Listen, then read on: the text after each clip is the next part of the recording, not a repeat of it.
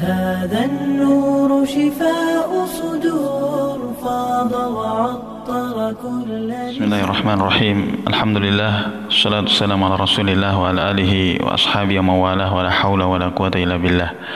أما بعد معاشر المسلمين رحمني ورحمكم الله di tahun ke-18 Hijriah saat wabah menyerang kota Syam Gubernur Khalifah Umar bin Khattab radhiyallahu an yang bernama Abu Baidah bin Jarrah radhiyallahu an yang mana beliau sangat dicintai rakyatnya diwafatkan oleh Allah Subhanahu wa taala dikarenakan wabah. Kemudian tongkat kepemimpinan diserahkan kepada Mu'adz bin Jabal. Tapi tidak lama setelah itu beliau juga diwafatkan oleh Allah Subhanahu wa taala dikarenakan wabah. Setelah itu Amr bin As radhiyallahu an ditunjuk sebagai penggantinya.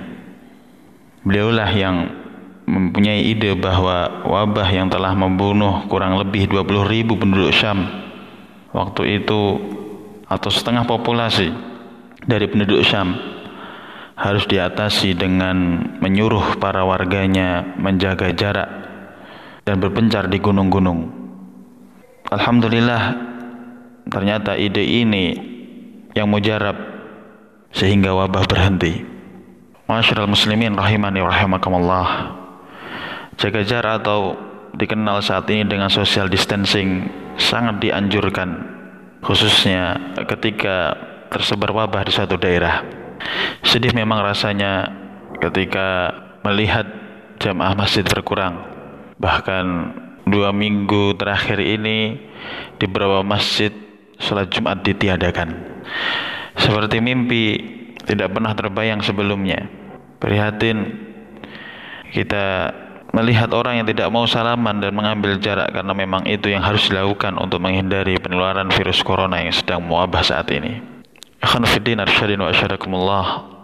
Allah memang akan menguji kita dengan sedikit ketakutan, kelaparan, dan kekurangan harta. Manusia tidak punya kuasa untuk menolaknya. Manusia hamba yang sangat lemah, hanya memang kadang manusia takabur ataupun sombong karena merasa dirinya kaya, kuat, dan berdaya. Ujian ini diharapkan menyadarkan manusia sehingga kembali hanya membesarkan Allah Subhanahu wa taala Sang Pencipta. Allah Subhanahu wa taala berfirman, "Walanabluwannakum bisyai'in minal khawfi wal ju'i wa naqsim minal amwali wal anfusi wath thamarat wa basyiris sabirin." Dan kami pasti akan menguji kamu dengan sedikit ketakutan, kelaparan, kekurangan harta, jiwa, dan buah-buahan. Dan sampaikanlah kabar gembira kepada orang-orang yang sabar. Khanafiddin asyadakumullah. Di hari ini kita berusaha untuk tetap bertahan di rumah, mengurangi aktivitas kita di luar rumah. Kemudian berusaha untuk menjaga jarak sebagai ikhtiar agar ujian ini segera berakhir dan diangkat oleh Allah Subhanahu wa taala. Allah a'lam bisawab. Barakallahu fiikum. Walhamdulillahi rabbil alamin.